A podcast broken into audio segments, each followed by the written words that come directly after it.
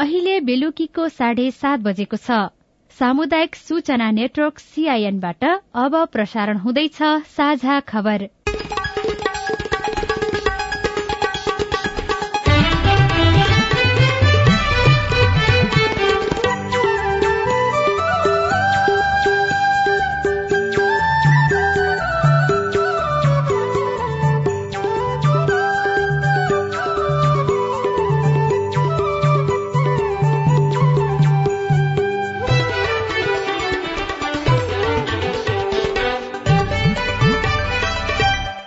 सीआईएनको साझा खबरबाट दीपक आचार्यको नमस्कार। साझा खबर देशभरिका सामुदायिक radio CIN Khabar dot com र मोबाइल एप सीआईएनमा पनि सुन्न सकिन्छ।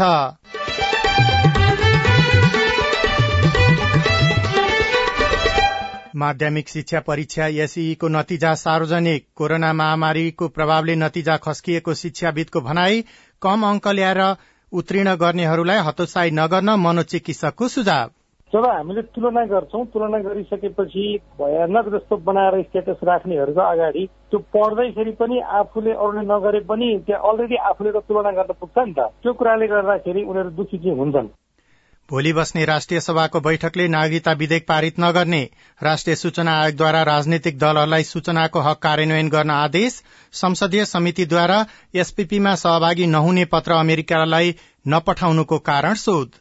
अमेरिकालाई पत्रचार गरिनुपर्छ र त्यो पत्रचार होस् भन्ने किसिमले पनि हामीले निर्णय गरेका छौं। कम्युनिष्टहरूलाई एक ठाउँमा ल्याएर पार्टी एकीकरणको प्रयास भइरहेको नेता गजरेलको दावी सिक्टा सिंचाई आयोजनाको पानी बग्न थालेपछि किसानहरू खुशी अब भिजिट भिसामा विदेश गएर काम गर्ने सोच नराख्न सरकारको आग्रह। र भिजिट भिसामा जाँदाखेरि जुन श्रमिकले श्रम स्वीकृति लिएर जाँदा पाउने सुविधा छ त्यो केही पनि पाउँदैन। यसबारे सजग भइदिनु हुन अनुरोध छ भनेर हामीले त्यो विज्ञप्ति जारी गरेको। र बीस वर्ष मुनिको साफ च्याम्पियनशीपमा नेपाल र श्रीलंका खेल्दै भारतको बिहारमा चट्याङ लागेर बीस जनाको मृत्यु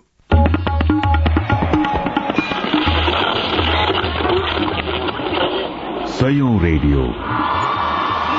हजारौं रेडियो कर्मी। र करोड़ौं नेपालीको माझमा यो हो सामुदायिक सूचना नेटवर्क सीआईएन सफलता असफलता हार र जित जीवनको पाटो हो। कहिलेकाहीँ केही परिस्थितिका कारण प्रयास गर्दा गर्दै पनि सोचे अनुसारको नतिजा नआउन सक्छ। साढे दुई वर्ष कोरोनाको प्रभावले पढ़ाई प्रभावित भएका आज एसईको परीक्षाफल प्राप्त गरेका विद्यार्थीहरूले सोचे अनुसारको परिणाम आएन भनेर हार मान्नु हुँदैन। अब उच्च शिक्षाको लागि थप मिहिनेत गर्नु आवश्यक छ। अब खबर सजना गत वैशाखमा भएको माध्यमिक शिक्षा परीक्षा एसईई को नतिजा सार्वजनिक भएको छ। राष्ट्रिय परीक्षा बोर्डले आज परीक्षाको नतिजा सार्वजनिक गरेको हो। बोर्डका अनुसार चार लाख पञ्चानब्बे हजार सात सय एकाउन्न जना विद्यार्थी परीक्षामा सहभागी भएकामा नौ हजार छ सय तेत्तीस जनाले तीन दशमलव छदेखि चार जीपीएसम्म ल्याएका छन्। यस्तै एकचालिस हजार छ सय सत्ताइस जनाले तीन दशमलव दुई शून्यदेखि तीन दशमलव छ शून्य उनासत्तरी हजार नौ सय जनाले दुई दशमलव आठ शून्यदेखि तीन दशमलव दुई शून्य जीपीए र नब्बे हजार सात सय अन्ठाउन्न जनाले दुई दशमलव चारदेखि दुई दशमलव आठ शून्य जीपीए ल्याएका छन्। सबैभन्दा धेरै एक लाख बाह्र हजार सात सय तेत्तीस जनाले दुईदेखि दुई दशमलव चार जीपीए ल्याएका छन् भने एक लाख पाँच हजार एक लाख पाँच सय चौरानब्बे जनाले एक दशमलव छदेखि दुई जीपीए ल्याएका छन्। एक दशमलव दुईदेखि एक दशमलव छ जीपीए ल्याउनेको संख्या चौवालिस हजार पाँच सय छयासी र शून्य दशमलव आठ शून्य जीपीएदेखि एक दशमलव दुई जीपीए ल्याउनेको संख्या तीन हजार दुई सय अस्सी रहेको बोर्डका सदस्यीय सचिव दुर्गा प्रसाद अरियालले जानकारी दिनुभयो। सबभन्दा सानो जिपिए जिरो पोइन्ट एटदेखि वान पोइन्ट टूसम्म ल्याउने विद्यार्थी संख्या तीन हजार दुई सय अस्सी छ। त्यसलाई हामीले प्रतिशतमा हेर्दाखेरि जिरो पोइन्ट सिक्स सिक्स प्रतिशत हुन्छ। त्यसै गरी थ्री पोइन्ट सिक्सदेखि फोर जिपिए ल्याउने अर्थात् सबभन्दा उच्च स्थानमा प्राप्ताङ्क ल्याउन सफल विद्यार्थी संख्या नौ हजार छ सय तेत्तिस छ। त्यसलाई प्रतिशतमा हामीले हेर्दा एक दशमलव नौ चार प्रतिशत हुन्छ। यसरी यो वर्षको जुन राष्ट्रिय परीक्षा बोर्डले सीमित परीक्षा केन्द्रहरूमा र विद्यार्थीको भौतिक उपस्थितिमा सञ्चालन गरेको नतिजाको स्थिति यस्तो रहेको बेहोरा म यहाँहरूलाई निवेदन गर्न चाहे। एसईको नतिजा हेर्दा कोरोना महामारीपछि माध्यमिक शिक्षा खस्किएको पाइएको छ तर बोर्डले भने परीक्षाफल सन्तोषजनक भएको दावी गरेको छ। कोरोना महामारीको प्रभाव पढ़ाइमा परेकाले नतिजा खस्किएको शिक्षाविद विद्यानाथ कोइरालाले सीआईएनसँग बताउनुभयो। सरकारले गरेको बदमासी चाहिँ के भयो भने पैंतिस प्रतिशतमा कट पोइन्ट भनेर राख्ने। अब अहिले चाहिँ जम्मैलाई पास गर्ने किसिमको हिसाबले त्यो बनाइदियो त्यो बदमासी भयो अब गर्न सक्ने किसिमको कुरोकानी के हो भनेदेखि ती केटाकेटीहरूले नपढे नि पास हुँदो रहेछ भन्ने धारणा बनाउने भए शिक्षकले नपढाए पनि हुने रहेछ भन्ने धारणा बनाउने भए यो धारणा बदल्नको निम्ति विशेष खालका केटाकेटीहरूलाई विशेष कोर्सहरू डिजाइन गरेर मूलधारमा कसरी ल्याउने भनेर भन्ने चिन्तन चाहिँ गर्नु मलाई चाहिँ तिनवटा काम नगरिकन अब डर छैन भन्ने लाग्छ। नतिजा सार्वजनिक भएसँगै सामाजिक सञ्जालमा अभिभावक तथा आफन्तले बधाई दिने क्रम चलिरहेको छ। तर आफ्ना छोराछोरी वा आफन्तलाई यो ग्रेड वा यो अंक ल्याएर उत्तीर्ण गरेको भन्दै बधाई दिने चलनले कम जीपीए ल्याएर उत्तीर्ण भएका विद्यार्थीमा मानसिक तनाव सृजना गर्न सक्ने भएकाले सचेत हुन मनोविद भरत गौतमले आग्रह गर्नुभयो। तपाईँहरू खुसी साथ साथ गर्नु सक्नुहुन्छ आफ्नो ग्रुपमा होइन? आफ्नो मेसेन्जरमा तर फेसबुकमै पोस्ट गर्ने कुराले चाहिँ अरू मान्छेलाई चाहिँ दुखी बनाउँछ जो चाहिँ त्यति नै नम्बर ल्याएर पास हुन सकेका छैनन् उनीहरूलाई चाहिँ दुखी बनाउँछ भनेर एउटा चाहिँ पेरेन्ट्सलाई एजुकेट गर्न जरुरी हुन्छ हेर्नुहोस्। पेरेन्ट्सले गरिरहेको हुन्छ नि हौचेर। अब आफ्नो बच्चालाई अलिकति खुसी बनाउन अथवा शिक्षामा लगानी गरेको मेरो बच्चाले राम्रो गर्यो भन्ने कुरा पुष्टि गरेको देखाउनको निम्ति पनि गर्छन् गर्न चाहिँ। त्यो हिसाबले चाहिँ पोस्टिङ गर्दाखेरि अरू व्यक्तिमा जसले राम्रो गर्न सकेका छैनन् उनीहरूमा चाहिँ दुखी हुने अथवा मनोसामाजिक रूपमा उनीहरूलाई चाहिँ कमजोर बनाउने काम हुन्छ। नतिजा WWW dot SEE dot GOV dot NP WWW dot NEB dot GOV dot एनपीमा गएर हेर्न सकिनेछ। यस्तै नेपाल टेलिकमको नम्बर सोह्र सयमा आफ्नो सिम्बल नम्बर लेखेर पठाउँदा पनि नतिजा थाहा पाउन सकिनेछ। कक्षा एघारमा भर्ना पाउनका लागि ग्रेडिङ वृद्धि अनुसार विद्यार्थीले पढ्न चाहेको विषयमा भर्ना हुन कक्षा दशमा अनिवार्य विषय अंग्रेजी गणित विज्ञान नेपाली र सामाजिकमा न्यूनतम न्यूनतम डी प्लस तथा एघार कक्षामा विज्ञान समूहमा भर्ना हुन अनिवार्य विज्ञान र गणित विषयमा सी प्लस ल्याउनै पर्ने व्यवस्था छ। आठ विषयमा परीक्षा दिँदा तीन विषयमा भने जुन ग्रेड ल्याउँदा पनि हुन्छ। भोलि बस्ने राष्ट्रिय सभाको बैठकले नागरिकता विधेयक पारित नगर्ने भएको छ। प्रतिनिधि सभाबाट गत शुक्रबार पारित भएको नागरिकता विधेयक भोलि बस्ने राष्ट्रिय सभाले पनि पारित गर्ने नेताहरूले बताएका थिए। तर भोलिको राष्ट्रिय सभा बैठकमा नागरिकता विधेयक सम्बन्धी कुनै पनि छलफल वा प्रस्ताव प्रस्तुत गर्ने कार्यसूची नरहेको संसद सचिवालयले जनाएको छ। सचिवालयका महासचिव डाक्टर भरतराज गौतमका अनुसार भोलिको बैठकमा शपथ सम्बन्धी विधेयक पारितका लागि प्रस्ताव प्रस्तुत गर्ने कार्यसूची छ। यस्तै नेपाल इन्जिनियरिङ परिषद पहिलो संशोधन विधेयकमाथि प्रतिनिधि सभाबाट भएको संशोधन उप विचार गरियोस् भन्ने प्रस्ताव तथा ज्येष्ठ नागरिक सम्बन्धी पहिलो संशोधन विधेयकमाथि प्रतिनिधि सभाबाट भएको संशोधन उप विचार गरियोस् भन्ने प्रस्ताव प्रस्तुत हुने कार्यसूची रहेको संसद सचिवालयले जनाएको छ। प्रतिनिधि सभा अन्तर्गतको अन्तर्राष्ट्रिय सम्बन्ध समितिले सरकारसँग स्टेट पार्टनरशिप प्रोग्राम एसपीपीमा सहभागी नहुने पत्र अमेरिकालाई नपठाउनुको कारण माग गरेको छ। आज बसेको समितिको बैठकले एसपीपीमा नेपाल सहभागी नहुने भनेर मन्त्री परिषद बैठकले निर्णय गरे पनि अमेरिकालाई हालसम्म पत्र नलेख्नुको कारण माग गर्ने निर्णय गरेको हो। समितिले तीन पटकसम्म सरकार सम्बद्ध निकायहरूलाई पत्राचार गरी एसपीपी सम्झौतासँग सम्बन्धित कागजात माग गरे पनि नपाएकाले सो कागजात प्राप्त गर्न नसक्नुको कारण पनि माग गरेको समिति सभापति पवित्रा निरौला खरेलले सीआईएनसँग बताउनुभयो। अहिलेसम्म तिन दिनको म्याद गुज्रिसकेको अवस्था रह्यो र छाया कपी हामीले प्राप्त गर्न सकेनौं। यसले गर्दाखेरि चाहिँ फेरि पनि हामीले रक्षा मन्त्रालयलाई अनुरोध गर्दै त्यो छाया कपी चाहिँ अन्तर्राष्ट्रिय सम्बन्ध समितिलाई उपलब्ध होस् भनेर आज हामीले निर्देशन दिने अथवा निर्णय गर्ने काम चाहिँ हामीले गरेका छौँ। र त्यसका साथसाथै अब एसपिपी कार्यक्रमलाई चाहिँ नेपालले चाहिँ नस्वीकार्ने अथवा त्यसलाई कार्यान्वयन नगर्ने भइसकेपछि अमेरिकालाई पत्रचार गरिनुपर्छ र त्यो पत्रचार होस् भन्ने किसिमले पनि हामीले निर्णय गरेका छौं। बैठकले प्रधान सेनापतिको अस्ट्रेलिया भ्रमणको सम्बन्धमा पनि विभिन्न प्रकारका हल्लाहरू आएकाले भ्रमणको सम्बन्धमा आधिकारिक कुरा आगामी बैठकमा सम्बन्धित निकायलाई बोलाएर लिइने उहाँले जानकारी दिनुभयो। राष्ट्रिय सूचना आयोगले राजनैतिक दलहरूलाई सूचनाको हक कार्यान्वयन गर्न आदेश दिएको छ। प्रचलित कानून बमोजिम दर्ता भएका राजनैतिक दलहरूको वेबसाइट अध्ययन गर्दा अधिकांश राजनैतिक दलले सूचनाको हक पालनामा उदासीनता देखाएको पाइएकाले आयोगले सूचनाको हक कार्यान्वयन गर्न आदेश दिएको हो। देशलाई नेतृत्व दिन समृद्ध बनाउन नागरिकलाई बलियो बनाउन प्रतिबद्ध राजनैतिक दलहरूको सूचनाको हक कार्यान्वयनमा प्रतिबद्धताको अहम र अग्रणी भूमिका रहने आयोगले ठहर गरेको छ। सरकारले भिजिट भिसामा विदेश गएर काम गर्ने सोच नराख्न सबैसँग अनुरोध गरेको छ। सरकारले भिजिट भिसामा पर्यटकका रूपमा मात्र विदेश जान अनुरोध गर्दै रोजगारको अपेक्षा नराख्न सुझाव दिएको हो।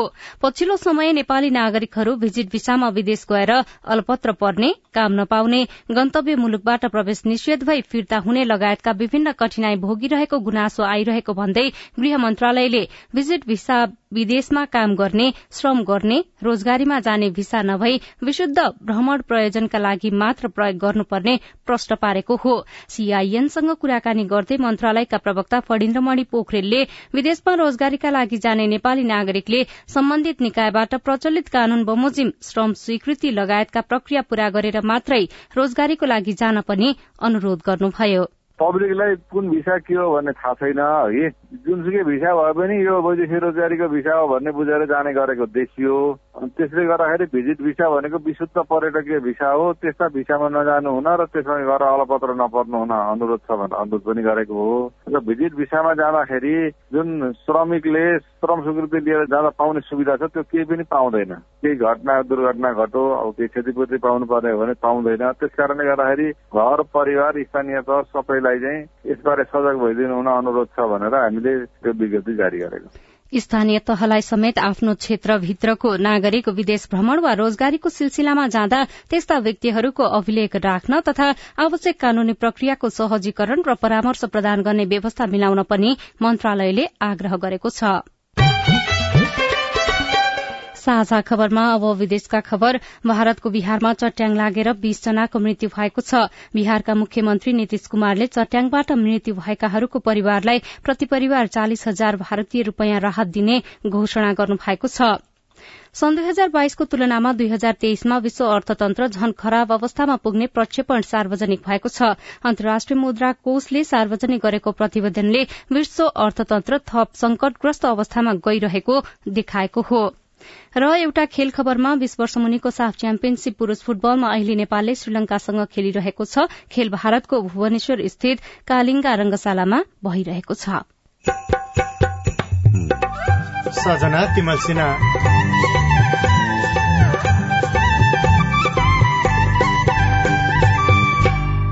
सिक्टा सिंचाई आयोजनाको पानी पाएपछि बाँकेका किसानहरूलाई सजिलो। दुई दिनदेखि पानी चल्न लाग्छ आज तेस्रो दिन हो। यो कुलोमा पानी आउन थालेदेखि हामीलाई सुविधा भइसकेछ रोपाई गर्न पाउँदा स्थानीय दंग रिपोर्टसँगै सत्ता गठबन्धनमा रहेका कम्युनिष्ट पार्टीहरू किन समाजवादी केन्द्र बनाउन खोजिरहेका छन्? एकजना माओवादी नेतासँगको कुराकानी लगायतका विशेष सामग्री बाँकी नै छ। सीआईएनको साझा खबर सुन्दै गर्नुहोला।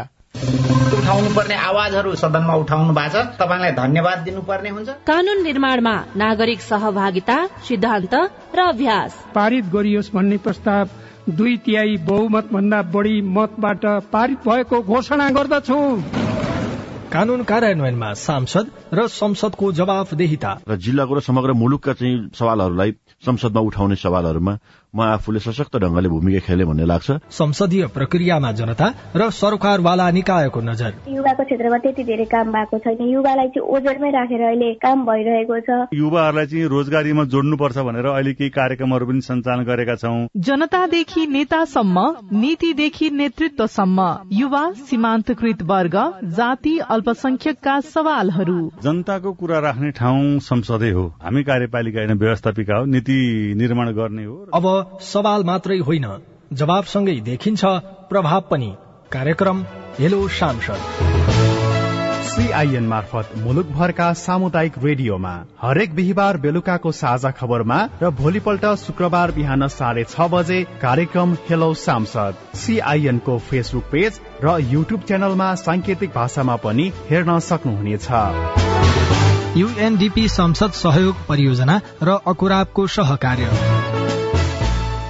सामाजिक रूपान्तरणका लागि यो हो सामुदायिक सूचना नेटवर्क सीआईएन तपाई सामुदायिक सूचना नेटवर्क सीआईएन ले काठमाण्डुमा तयार पारेको साझा खबर सुन्दै हुनुहुन्छ। अब बाँकी खबर।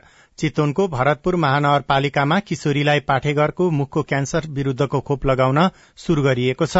पाठेघरको मुखको क्यान्सर हुनबाट रोक्नको लागि एघारदेखि तेह्र वर्ष उमेर समूहका किशोरीहरूलाई खोप लगाउन शुरू गरिएको बीपी कोइराला मेमोरियल क्यान्सर अस्पताल भरतपुरले जनाएको छ।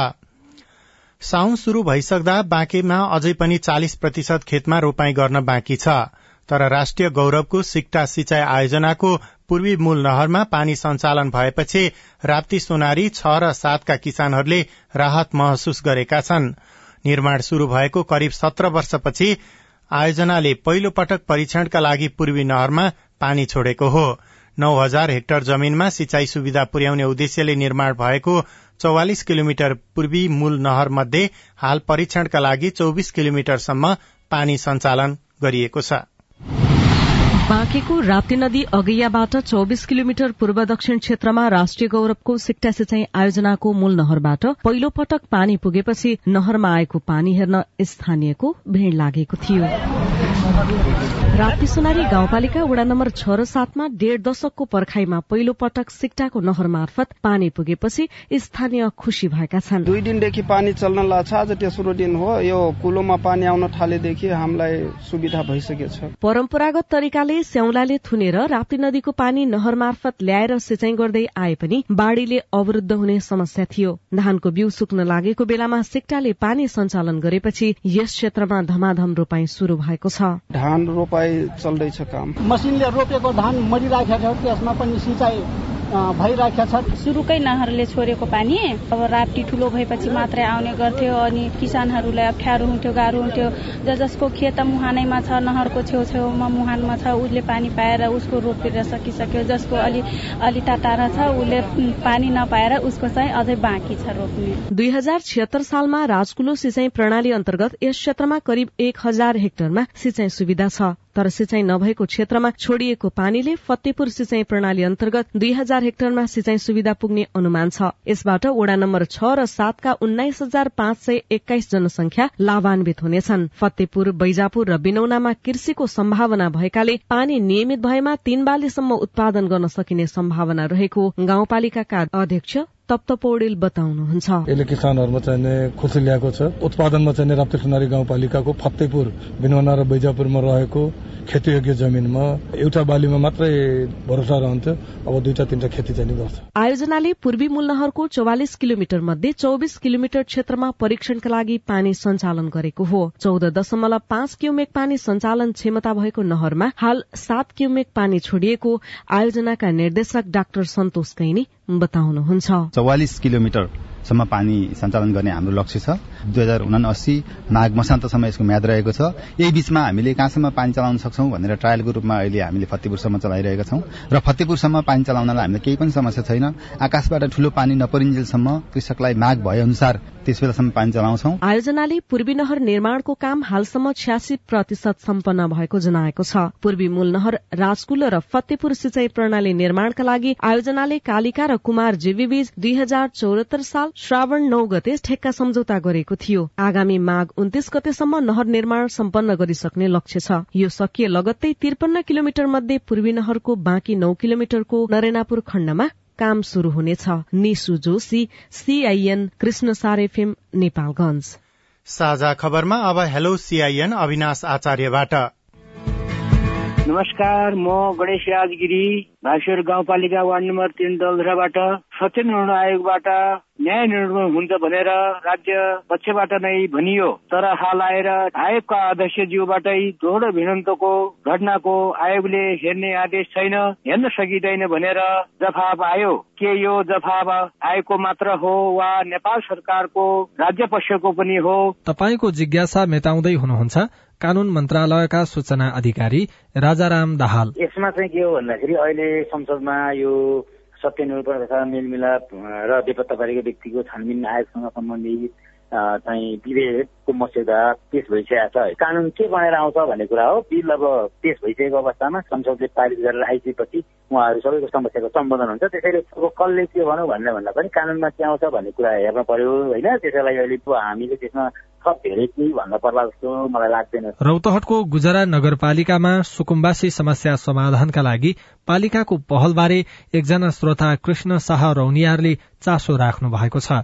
उहाँको जिज्ञासा मेटाउँदै हुनुहुन्छ नगरपालिकाका उपप्रमुख रत्ना लामा। चार किला कति छ भनेर चाहिँ उहाँहरूसँग सल्लाह लिएर आफ्नो जमिन यति कट्ठा भोग गरिरहेछौँ भनेर चाहिँ उहाँहरूको डिटेल लिएर फर्महरू भरिसकेका छौँ अनि अब छुटपुटहरूको नि भर्दैछौँ।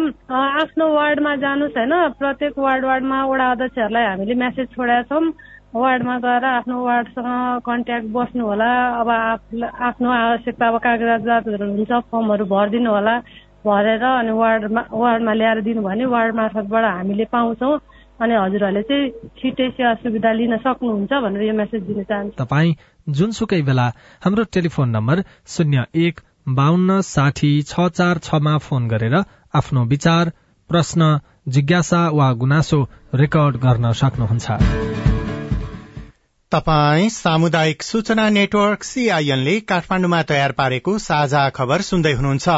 समाजवादी केन्द्र आवश्यकता कि कांग्रेससँग सौदाबाजी गर्ने बाध्यता? यो त गलत कुरो हो त्यसरी गर्नु बार्गेनिङ गर्नु होइन हामीले वामपन्थीहरूलाई एक ठाउँमा ल्याउने कम्युनिस्टहरूलाई एक ठाउँमा ल्याउने उद्देश्य त कायमै छ नि हाम्रो। माओवादी केन्द्रका एकजना प्रभावशाली नेतासँगको कुराकानी बाँकी नै छ। सीआईएनको साझा खबर सुन्दै गर्नुहोला। मम्मी खाजा। मम्मी मेरो होमवर्क गर्ने कापी। बुहारी एकदम खुट्टा दुख्यो। बुहारी चिया खान मन लागेको थियो। बुढी कपडा मैलो भएछ। अरे मेरो परिवार। भर्खरै सुनेको संवाद तपाईँलाई कस्तो लाग्यो? यही संवादलाई फेरि एकपटक यसरी सुनौ न है। मम्मी खाजा आज म बनाउँछु। मिठो बनाउँछु है। मम्मी मेरो होमवर्क गर्ने कापी मैले खोजिसके। अब म होमवर्क गर्छु। बुहारी एकदम खुट्टा दुख्यो। छोराले तेल तताएर लगाइदिएपछि अलि आराम भयो। बुहारी चिया खान मन लागेको थियो। सबैको लागि बनाएको छु। आऊ सबैजना खान। बुढी कपडा मैलो भएछ। घर नि कस्तो फोहोर। कपडा धोएर भ्याए। अब घर सफा गर्छु। कोरोनाको महामारीबाट बस्न पनि त सरसफाई जरुरी छ नि। आहा मेरो परिवार। तपाईँलाई दोस्रो संवाद कस्तो लाग्यो? पक्कै राम्रो लाग्यो। हो तपाईँ हामी बीच जिम्मेवारी बोध भयो भने एक अर्का बीचको निकटतालाई अझ राम्रो बनाउन सकिन्छ। बाढी चोडी जिम्मेवारी परिवारमा समझदारी। महिला बालबालिका तथा ज्येष्ठ नागरिक मन्त्रालय युएन वुमन ल्याक र अकुराबको सहकार्य। सामाजिक रूपान्तरणका लागि यो हो सामुदायिक सूचना नेटवर्क सीआईएन तपाई सामुदायिक सूचना नेटवर्क सीआईएनले काठमाण्डुमा तयार पारेको साझा खबर सुन्दै हुनुहुन्छ। सत्ता गठबन्धनमा रहेका माओवादी केन्द्र नेकपा एकीकृत समाजवादी र अन्य केही वाम नेताहरूले समाजवादी केन्द्रको अवधारणा अघि सारेर छलफल गरिरहेका छन्। मूलत आसन्न संघ र प्रदेशको चुनावमा एक भएर जाने लक्ष्यसहित समाजवादी केन्द्र मार्फत एकताबद्ध हुने उनीहरूको योजना छ। तर समाजवादी केन्द्रलाई कतिपयले चुनावमा सीट बाँडफाँडमा सौदाबाजीका लागि अघि सारिएको टिप्पणी गरेका छन्। के यो टिप्पणी सही हो? नेकपा माओवादीका नेता हरिबुल गजरेलसँग साथी राजन रुचालले कुराकानी गर्नु भएको छ। मार्क्सवाद लेनिनवाद माओवादका फन्डामेन्टल कुराहरूमा हामी भन्दा बाहिर त हामी जान सक्दैनौँ। त्यसभित्र नाउँहरू चाहिँ चेन्ज हुन सक्छन्। सामाजिक जनवादी पार्टी थियो रुसमा तपाईँ हेर्नु भने पछि त्यो कम्युनिस्ट पार्टी भयो बोल्सिविक मेन्सिविक भयो होइन। त्यसले मलाई नामहरू चाहिँ अब परिवर्तन भइरहन्थ्यो अन्तर्वस्तु चाहिँ कुन रूपमा व्यक्त हुन्छ भन्ने मुख्य कुरो हो। समाजवादी केन्द्र भनेर तपाईँहरूले जुन अवधारणाको विकास गरिरहनु भएको छ अहिले त्यो चाहिँ मूलत सबै कम्युनिष्ट पार्टीहरूलाई एक ठाउँमा ल्याउने सूत्र हो अथवा चाहिँ कांग्रेससँग चुनावका लागि त्यो बार्गेनिङ गर्ने अस्त्र मात्रै हो? होइन समाजवादी भनेको नि समाजवादको लक्ष्यप्रति प्रतिबद्ध मार्फतका आधारभूत कुरालाई मान्नेहरूलाई त्यसमा समेट्न खोजेको जसरी अहिले समाजवादी केन्द्र बनाउने भनेर अगाडि आएका अनुहारहरू चाहिँ प्रचण्ड माधव कुमार नेपाल झलनाथ खनाल वामदेव गौतम डाक्टर बाबुराम भट्टराई। तपाईँलाई विश्वास लाग्छ यी अनुहारले अझै पनि देशको विकास गर्लान् शक्ति केन्द्रको रूपमा चाहिँ अगाडि बढ्लान् त्यो बनाउलान् भन्ने कुराको? यो त यस्तो हामीले अब यी अनुहारबाट हामीले धेरै अपेक्षा गर्नुहुन्न।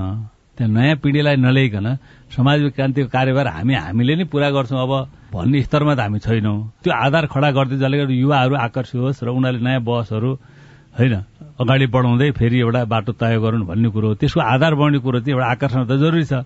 अहिले टुटफुट विभाजनले जो एउटा नकारात्मक असर परिरहेको छ होइन कमजोर भइरहेको महसुस गरिरहेको छ वामपन्थी जो युवाहरू हो तिनीहरूलाई आकर्षित गर्न सक्यो भने तिनीहरूले त्यो कार्यवाही अगाडि बढाउँछ। त्यो उद्देश्य सहित हो।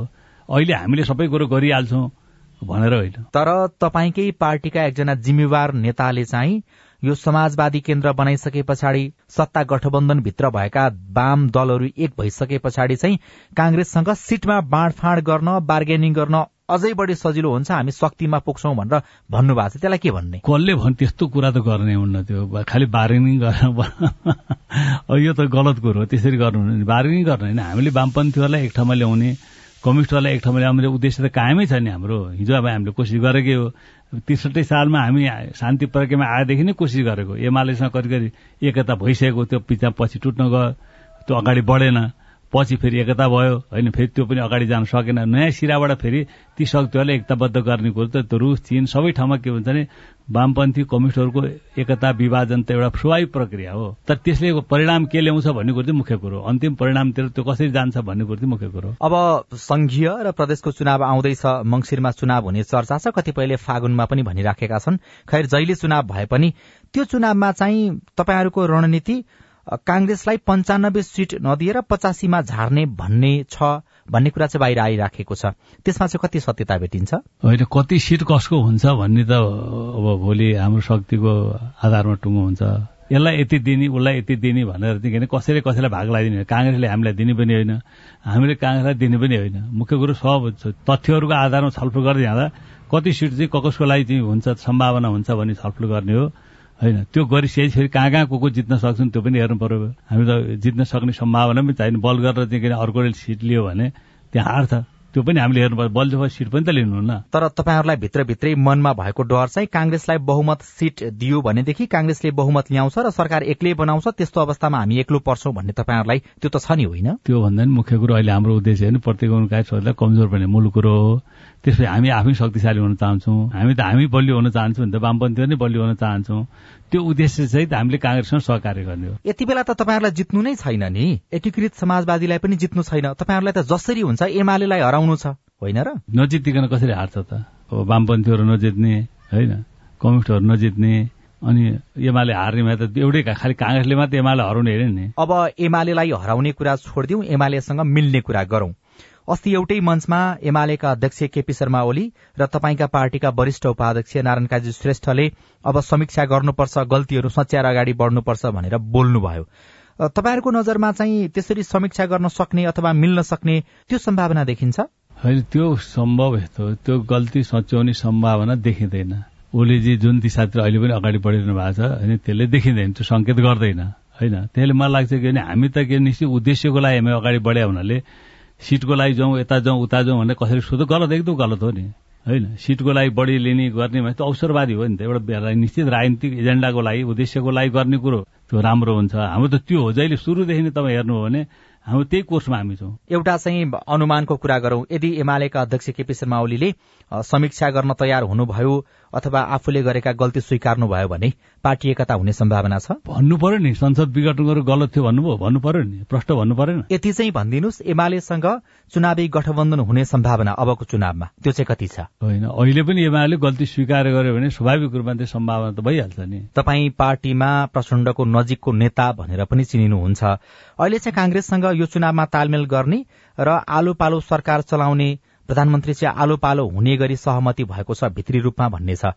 त्यसमा चाहिँ कतिको सत्यता भेटिन्छ? होइन स्वाभाविक रूपमा किन चुनावमा गइसकेपछि सरकारको उद्देश्य हुन्छ होइन? हामी समाजवादका आधारहरू तयार गर्यो भने चुनाव जित्ने सरकारमा जाने त्यहाँबाट पहल कदमी लिने भन्ने कुरो हो। त्यसले हामीले स्वाभाविक त्यसको नेतृत्व चाहिँ हामीले दावी गर्दा कुनै अनौठो कुरो हामीले होला अरूले पनि दावी गर्छन् नि। अहिले एमाले पनि कमजोर भएको छ। स्थानीय तहको चुनाव पनि तपाईँहरूको पक्षमै देखियो। अब यस्तो बेलामा तपाईँहरू मंगिरमा चुनाव गर्ने कुरामा संघ प्रदेशको त्यसमा चाहिँ आनाकानी किन गरिरहनु भएको छ? किन तपाईँहरू फागुनमा सार्न र टार्न खोजिरहनु भएको छ? होइन चुनाव त अब कहिले गराउने भन्ने कुरो त सरकारको कुरा आउँछ निर्वाचन आयोगको कुरा आउँछ होइन? निश्चित नियम विधि प्रक्रियाभित्रै चुनाव हुनुपर्छ। अबको चुनावमा चाहिँ जनताले माओवादी केन्द्रलाई कुन शक्तिको रूपमा पाउँछन्? गलत बाटोतिर गयो अलिक विचार राजनीति सिद्धान्तलाई छोड्दै गयो काङ्ग्रेस एमाले जस्तो हुँदै गयो होइन? विचारविहीन जस्तो होइन? हुँदै गयो अलि अवसरवादी हुँदै गयो भनेर जनताले छोड्या न हो। हिँदो जनयुद्धपछि शान्ति प्रयास जनताले त हामीले त उत्साहका साथ साथ दिएको सहयोग गरेको होइन? तर हामीले त्यो अपेक्षा अनुसार चलाउन सक्दा हाम्रो पार्टीभित्र हामीले चाहिँ टुटफुट विभाजन भयो विभिन्न कमी कमजोरी गर्दै जाँदा होइन? त्यसको असर चाहिँ जनता पर्या हामीले राम्रो काम गर्न थाले त फेरि जनता जोडिहाल्छ नि। नेकपा माओवादी केन्द्रका नेता हरि बोल गजुरेल सत्ता स्वार्थ र व्यक्तिगत अहमताका कारण टुक्रा टुक्रा भएर कमजोर भएका दलहरूलाई निर्वाचन नजिकिएसँगै एकजुट हुनुपर्ने बाध्यता आउने गरेको छ। माध्यमिक शिक्षा परीक्षा एसईको नतिजा आज सार्वजनिक भएको छ। प्रतिनिधि सभा अन्तर्गतको अन्तर्राष्ट्रिय सम्बन्ध समितिले सरकारसँग स्टेट पार्टनरशिप प्रोग्राम एसपीपीमा सहभागी नहुने पत्र अमेरिकालाई नपठाउनुको कारण माग गरेको छ। राष्ट्रिय सूचना आयोगले राजनीतिक दलहरूलाई सूचनाको हक कार्यान्वयन गर्न आदेश दिएको छ। सरकारले भिजिट भिसामा विदेश गएर काम गर्ने सोच नराख्न सबैसँग अनुरोध गरेको छ। भारतको बिहारमा चट्याङ लागेर बीस जनाको मृत्यु भएको छ र बीस वर्ष मुनिको साफ च्याम्पियनशीप पुरूष फुटबलमा अहिले नेपालले श्रीलंकासँग खेलिरहेको छ। अवस्था आजलाई साझा खबरको समय सकियो। प्राविधिक साथी सुरेन्द्र सिंहलाई धन्यवाद। भोलि साउन बाह्र गते बिहान छ बजेको साझा खबरमा फेरि भेटौँला। अहिलेलाई भने म दीपक आचार्य पनि विदा हुन्छु। नमस्कार शुभरात्री।